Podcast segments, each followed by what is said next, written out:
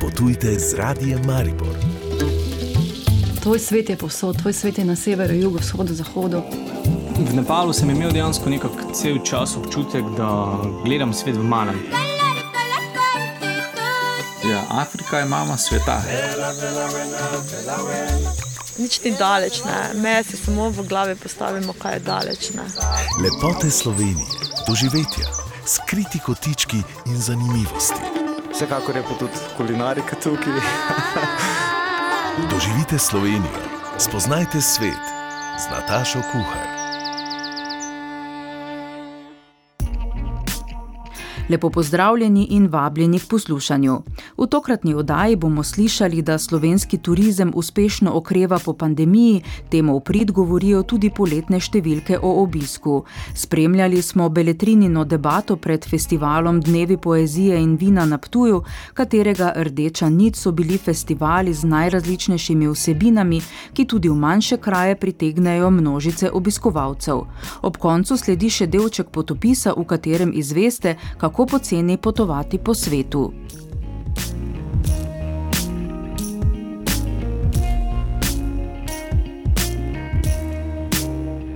Kljub številnim izzivom je turistična industrija na začetku novega strateškega obdobja zelo enotna pri tem, kaj želi doseči in katera pot je prava, je prepričana direktorica slovenske turistične organizacije Maja Pak. Slovenski turizem je na pomembnem razpotju med okrevanjem po posledicah zdravstvene krize in pojavom novih varnostno-političnih groženj in tveganj zaradi vojne v Ukrajini. Vse to spremljata še rast cen temeljnih surovin in zelo zaostrena ekonomska situacija. Ob tem se panoga po vsej Evropi spopada še z eno krizo in sicer kadrovsko. Skupni turistični promet se v Sloveniji približuje stanju pred pandemijo. Pri prihodih za letom 2019 zaostajamo le še 8 odstotkov, pri prenočitvah pa za 4. Prilivi iz naslova izvoza potovanj so manjši za 10 odstotkov, izpostavlja Maja Pak. V turističnih nastanitvenih obratih v Sloveniji so julija zabeležili 952 tisoč prihodov turistov, to je skoraj 24 odstotkov več kot julija lani. Ustvarili so 2,7 milijona prenočitev oziroma 17,1 odstotka več kot julija lani in 5 odstotkov več kot v rekordnem juliju 2019. Tuji turisti so največkrat prenočili v Ljubljani, domači v Piranu. Turisti iz Nemčije so ustvarili okoli 348 tisoč prenočitev oziroma 17 odstotkov vseh. Največkrat so prenočili v občini Bovec. Za desetino prenočitev so ustvarili gosti iz Češke in Nizozemske, sledili so turisti iz Belgije, Mačarske in Avstrije. Nekaj več kot milijon prenočitev so julija zabeležili v nastanitvenih obratih v gorskih občinah, največ na Bledu. Skoraj četrtino prenočitev so ustvarili v obmorskih občinah, sledile so zdraviliške občine, Ljubljana in druge mestne občine. V sedmih mesecih je Slovenijo obiskalo okoli 3,3 milijona turistov, ustvarili so nekaj manj kot 8,7 milijona prenočitev, kar je približno 4,7 milijona več kot v enakem obdobju lani. Domači turisti so ustvarili skoraj 3,5 milijona prenočitev oziroma 40 odstotkov vseh, tuji pa 5,2 milijona oziroma 60 odstotkov vseh.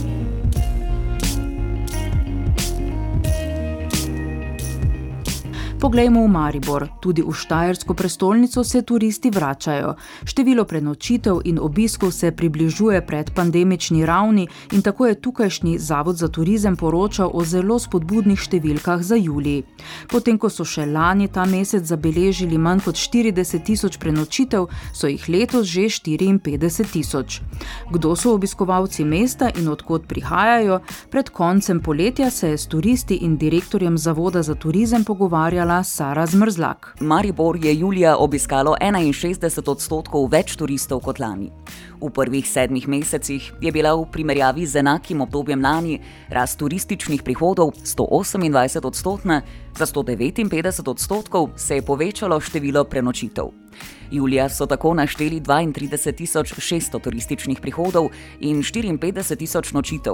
Direktor Zavoda za turizem Maribor Jure Struc meni, da so rezultati spodbudni. Namreč številke iz meseca v mesec naraščajo. Lani, naprimer, smo v celem letu imeli toliko nočitev kot letos praktično v sedmih mesecih. S tem se seveda tudi približujemo eh, številkam iz leta 2019, za katere smo sicer sprva mislili, da jih bomo šele v petih letih dosegli, in zdaj smo praktično že na skoraj 90 odstotkih. Letno statistiko slabšajo zimski, še v primeš koronskih omejitev ujeti meseci, so pa do vključno julija 84 odstotkov prenočitev ustvarili tuji gosti.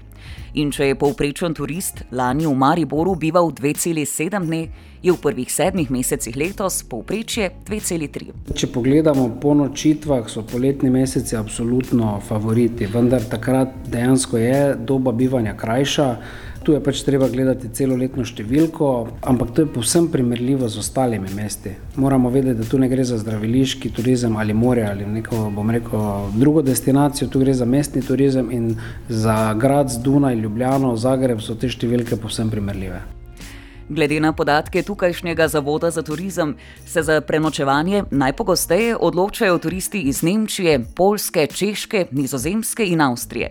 Ti so jih julija ustvarili 93 odstotkov. Glede na to, kaj se pogovarjamo z obiskovalci, je tako, da smo ravno na taki eh, distanci od njihovih štartnih destinacij, da si seveda spočijejo v Sloveniji in potem potujejo dalje. Seveda prve vrste Maribor, Bled, eh, Postojno in Morje, pa tudi druga mesta. In moram reči, da Maribor tu ni izjema, smo s tem izredno zadovoljni. Še vedno ni turistov iz azijskih držav, kar po besedah Struca poročajo tudi drugot. Letos se pa predvsem pozna to, da ni toliko italijanov, kot jih je bilo v preteklih letih, prav v avgustu, ko imajo počitnice. Eh, to opažamo tako v Mariboru kot v Ljubljani, ampak očitno je situacija v Italiji pač tolikšno, tako zakomplicirana, da pač preprosto ne potujejo in ostajajo doma.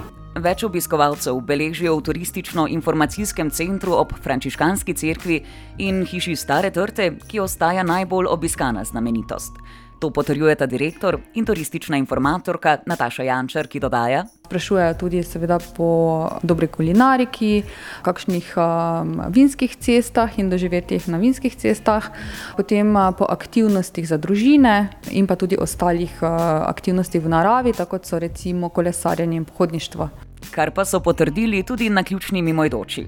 Mlade družine, pari, skupine prijateljev, starejši in organizirane skupine med drugim iz Nizozemske, Poljske, Češke, Avstrije in Nemčije. V mestu so preživeli nekaj ur, redki so prespali ali ostali več dni in si zaradi časovne omejitve ogledali le največje znamenitosti.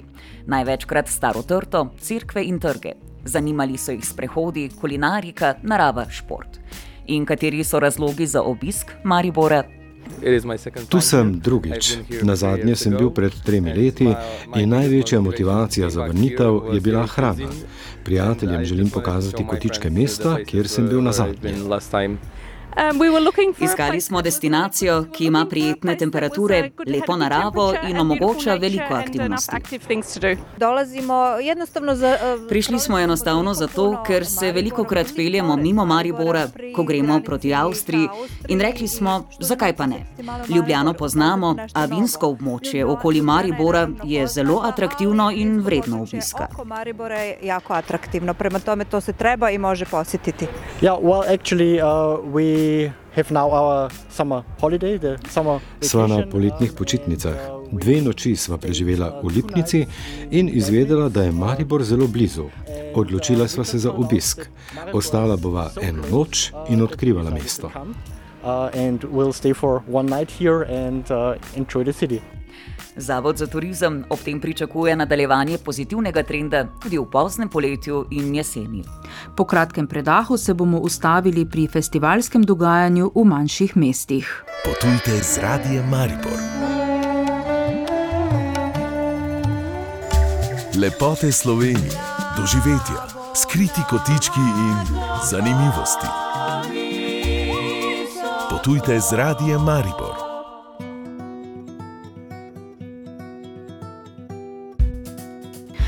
Bogato poletno festivalsko dogajanje se počasi poslavlja, med letošnjim festivalom Dnevi poezije in vina pa so pri založbi Beletrina pripravili debato z naslovom Mistika malih krajev, ki oči odprejo, ko pade tema in se prižgeta kultura in kulinarika. Rdeča nit pogovora so bili festivali, ki tudi v manjše kraje pritegnajo množice obiskovalcev.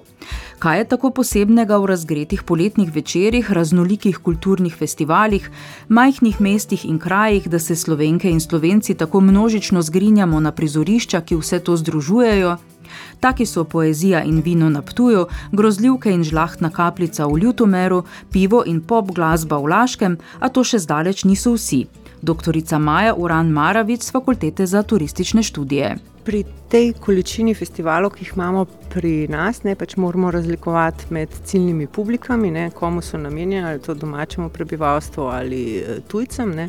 Tisti, ki so usmerjeni na tuje trge, ne, pa pač treba zbrati. Eh, nekaj tistih, ki imajo res najvišjo kakovost in ki ustvarjajo največje nekla, neposredne in posredne učinke za okolje in jih spromovirati do te meje, da postanejo sinonim ponudbe Slovenije kot turistične destinacije.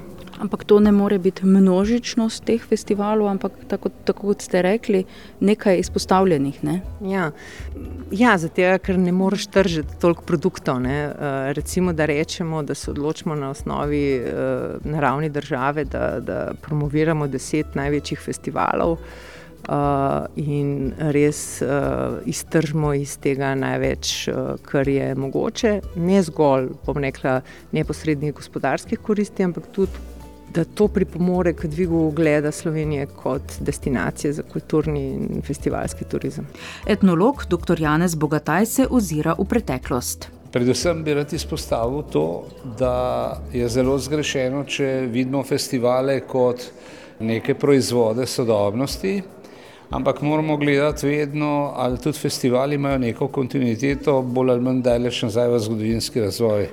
In hitro gotovimo, ne, da so to razne oblike zabavnega, na prvem mestu sedaj tudi kulturnega doživljanja v poletnem času, ki jih predstavljajo recimo razne veselice, od, zlasti od 19. stoletja naprej, predtem pa razne druge oblike druženja, ki so povezane s šegami in navadami ljudmi, ne, s prazniki, sproščeni. Skratka, to je prav gotovo ena potreba eh, tako naših prednikov, kot tudi sodobnega prebivalca Slovenije, da v teh poletnih mesecih doživlja neke dobrine kulturnega značaja, če kulturno, kulturo razumemo tako, kot jo v moji vedi, se pravi kot, kot vse manifestacije človekovega delovanja, da eh, pride do tega kulturnega doživljanja. Ampak teh festivalov je veliko, ne? Ja. morda ja. tudi preveč? Jaz mislim, da uh, težko bi, nimam številčnih podatkov, recimo. ampak mislim, da uh, najslabše je, da so si nekateri festivali na moč podobni. Uh, to je slabo. Da jih je pa preveč, pa ni problem. E, če bi bilo čim več različnih, bi bilo še bolje. Nisem prevelik e, ljubitelj, pravzaprav sem zelo negativno nastrojen do te oblike, da, si, da so si mnogi festivali podobni, kaj ti str pregovor pravi, ni važno kopirati, ampak kapirati. Pisatelj Tone Partlič, ki je prav tako sodeloval v razpravi, je na vprašanje, ali je festivalov pri nas preveč, odgovoril: eh, Dovolj jih je vsekakor. Ne bi si drzno reči, da preveč, ker to kaže na neko impulzivnost ljudi. Sveda um, raznih vrst, ne, vedno bolj se mi zdi, se bližajo turizmu, celo gastronomiji, zabavi, veliko je glasbenih sam sem z drugega brega, torej gledališkega. E, če pa izhajam od tod, se je tudi nekaj velikih festivalov gledaliških, ki so uradne in inštitucije v Kranju, Mariboru in tako dalje. Drugač pa sem nekako prijatelj tam, kjer, kjer v kakšnem manjšem kraju, že recimo 20-30 let vsako leto pripravijo igro, dosti ljudi sodeluje, Če je na, recimo pri Domžalah, je zdaj ti studenec, ko letos igrajo desetega brata z stotimi igravci, moram reči, da je sto ljudi znemirjenih, stotim ljudem se zdi, da so nekaj ustvarili, pa da so ustvarjalci njihovim domačim. Tako da so pač razne vrste, ne, ni jih preveč. Mi smo tudi med letom, imamo zelo veliko festivalov, če pogledam samo literarne nagrade, knjižne sejme in tako dalje, se, se vedno nekaj godi. Mislim, da smo zelo kulturna država, po, po leti pa sploh eksplodiramo. Mislim, prej ste govorili, če se ne motim, z gospodom Bogatajem, da je nekje rekel, da so pravzaprav iz ljudskih veselic zrasli, tudi take, kar pomeni druženje, zabava, ampak hvala Bogu, če je kulturna ustvarjalnost.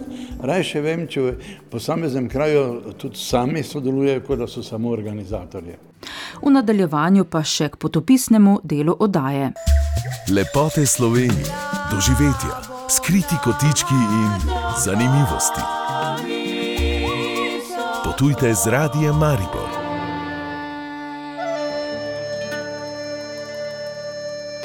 Nekaj majskih sobot smo v potopisnem delu oddaje gostili Saro Vintar iz Celja, ki se je pred časom za leto dni odpravila po Indiji, Indoneziji, Tajski, Šrilanki, Maleziji in Vietnamu. Predstavila nam je svojo izkušnjo prostovoljstva in potovanja na poceni način. Zbrala je namreč veliko informacij, kako se kot študent odpraviš na dolgo pot po svetu, ne da bi moral žrtvovati zabavo, udobje in svobodo. Ti meseci so jo naučili veliko, zato najboljše utrinke in ugotovitve z veseljem deli. Najprej smo jo vprašali, kako prijazen je pravzaprav svet. Ja, meni osebno se je definitivno zdel bolj prijazen, kot sem goč pričakovala. Vseeno, čeprav sem si res želela iti v svet in sem imela pozitivna pričakovanja, vedno je tisto malo strahu in negotovosti. Ampak res sem bila zelo pozitivno presenečena nad tem, kako so ljudje pripravljeni ti vedno pomagati, te sprejeti, te spoznati. Ta v Sloveniji se mi zdi, da se vsi držimo bolj vsak zase. Tam pa skoraj ne vem, vsak dan, da se mi je zgodilo, da te nekdo povabi domov, da spoznaš uh, prijatelje, povabi na kosilo, ti res veseljem pokažejo svoje mesto. In, um, tako da se mi zdi, da je bila to ena mogoče največjih ugotovitev so ljudje res v osnovi, no, vsaj jaz sem imela srečo, uh, da sem jih odkrila tako zelo prijazne in um, dobrovoljne in um, dobre. pa greva zdaj na začetek. Kdaj in zakaj odločitev, da greste po svetu? Uh. -huh. Kaj je prispevalo k temu, da vas je svet pravzaprav osvojil?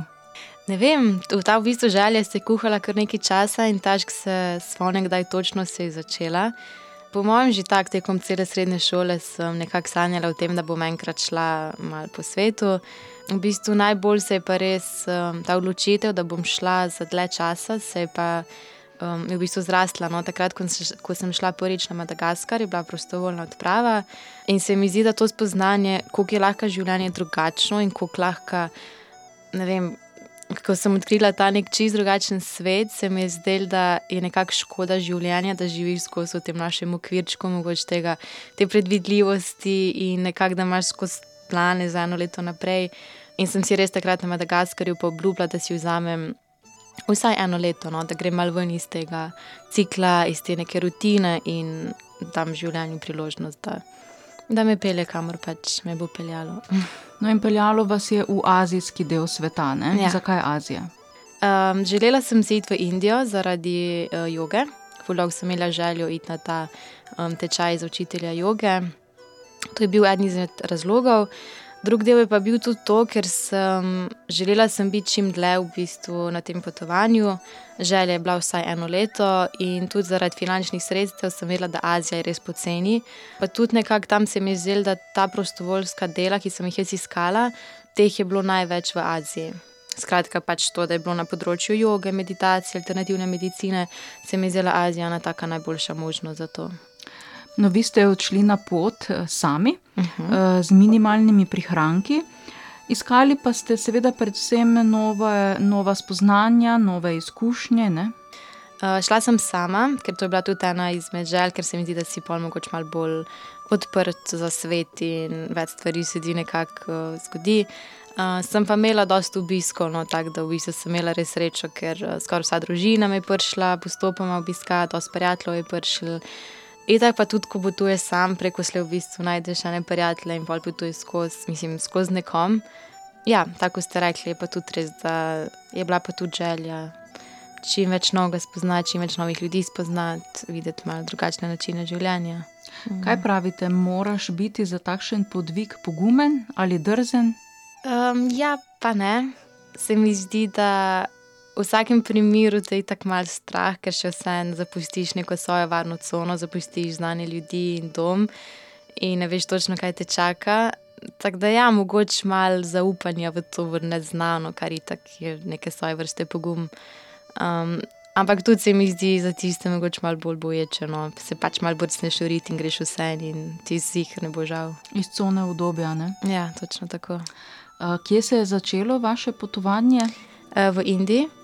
Tam sem bila um, oziroma skoraj pol leta, pol sem pa v bistvu Indija bila edini načrt, edina na, načrtovana destinacija, tam sem imela eno delo že dogovorjeno, vse pol naprej je bila v bistvu prosta pot, um, še ne načrtovana, ampak ja, politik tudi malo zaradi vse logistične izpeljave zaradi vis, že zaradi tega sem se pa mogla že po treh mesecih iz Indije premakniti drugam, polit nazaj. Ampak ja, vse se je pa začelo v Indiji. Uh -huh.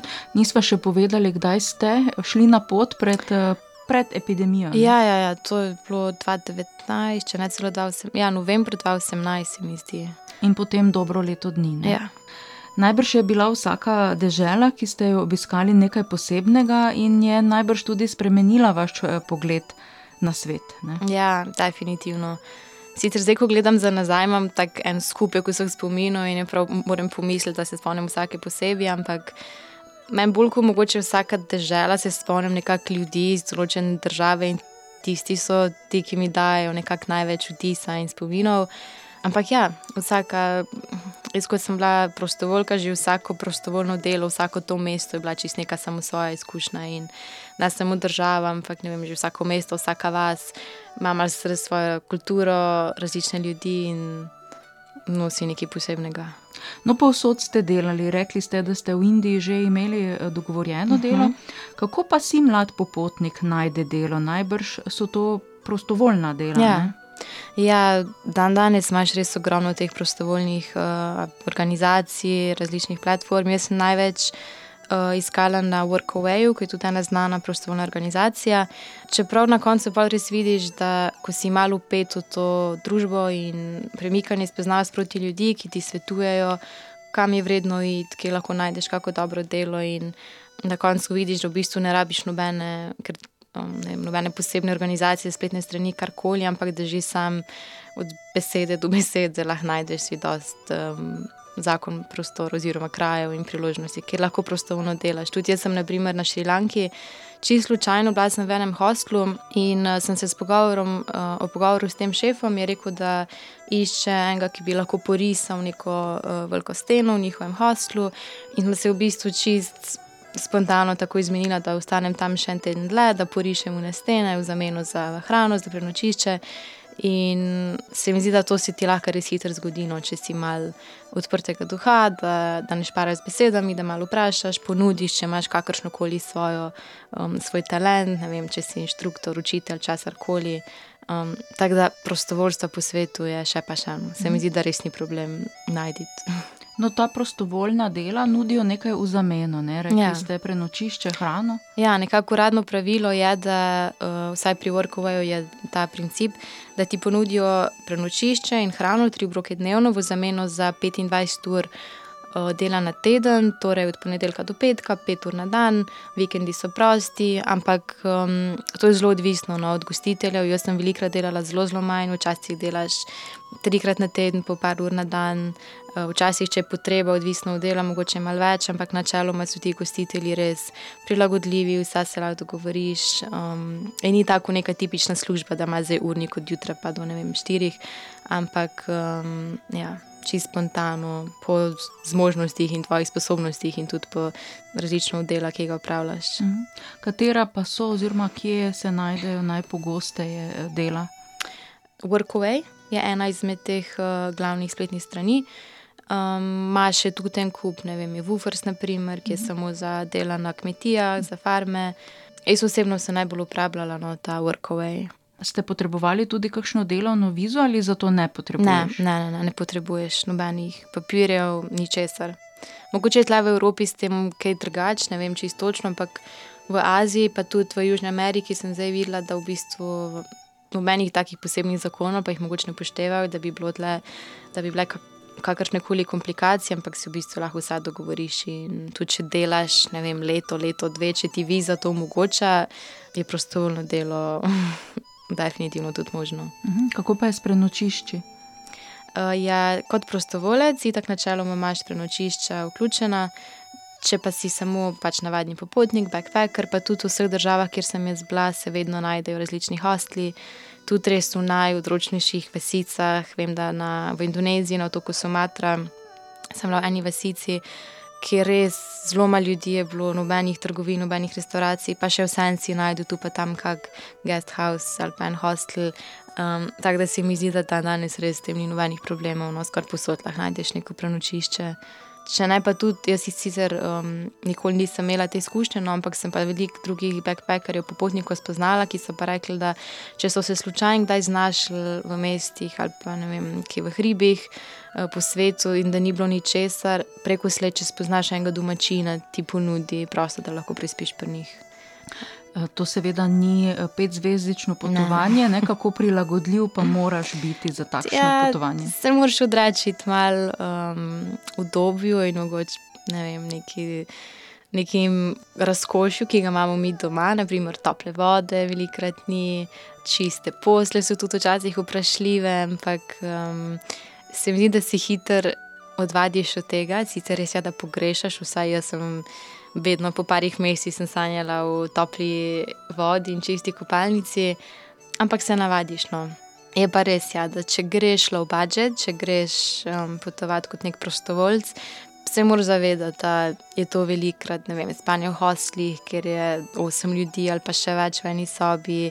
Deliš si, naprimer, stranišča, da se hrana je velikrat zelo dobra, sploh v teh azijskih državah, Ampak če vseeno zdaj tle nimaš ne vem, neke izbire, ful možnosti ali pa da bi imel neke svoje lastne diete, zakomplicirane, se pač mal prilagodiš in um, pa mogoče to bolj ceniš, vse, kar imaš doma, ko se vrneš. Uh mhm. -huh. No, vi ste imeli najbrž tudi svoj dnevni proračun, ne? Ja, čeprav v bistvu um, nobene meje nisem imela, da bi imela skozi glavi, zdaj do kam lahko grem. Uh, imela sem našparan nekaj denarja že na začetku poti, na koncu mi ga v bistvu nekaj tudi ostalo. Tako da, čisto slučajno sem pa o preračunanju, ko sem se že vrnila domov iz tega enoletnega potovanja, uh, sem ugotovila, da sem porabila točno 10 evrov na dan, vključujoč vse, torej letalski prevozi, vize, prenočišča, hrana, vse, kar sem v teh 13 mesecih, v bistvu na vse skupaj, vse, kar sem zapravila, um, ja, se je na koncu izkazalo, da je bilo 10 evrov na dan. Res je, da tudi. Um, tako nizka številka je, zato ker sem večinoma časa bila prostovoljka, torej res živiš totalno zastojn. Pa tudi Azija je res poceni. Se da eh, poceni živeti. Ja. No, povedati moramo, da svoje izkušnje radi delite z mladimi na potopisnih predavanjih ne, po Sloveniji. Uh -huh. Kakšen pa je odziv mladih? Imate občutek, da veliko mladih tako potuje? Ne, ne, se mi zdi, da ne. Se tudi to je bil eden izmed razlogov, zakaj sem želela um, začeti s temi potopisnimi, da nekako razširim to idejo med mlade v Sloveniji, da potovanja so zelo poceni, zelo dostopna za vse, zelo enostavna, ker se mi zdi, da nekako. Med nami vlada to prepričanje, da je to neka boniteta za bogatejše in da je zelo um, zakompliciran, da je na tako dolgo potovanje. Tako da njihov odziv velikrat je bil, dejansko neka presenečenost nad enostavnostjo, nad vsemi temi priložnostmi, ki jih imamo po svetu, ker jih ne poznajo. Um, in tako velikrat so pa odzivi, da, wow, da res da pogumno, da um, bi tudi oni to, pa jih je mogoče malo strah. Ampak predvsem pa ja, se mi zdi navdušenje nad dejanskimi vsemi priložnost, priložnostmi, ki jih imaš po svetu. Pripotovali smo do konca še ene turistične oddaje, najdete jo tudi med podcasti in v spletnem arhivu. Za tokratno vsebino in zvokovno podobo smo poskrbeli Sara Zmrzlak, Martin Možina, Borod Pleše in Nataša Kuhar. Potujte z radijem Maribor.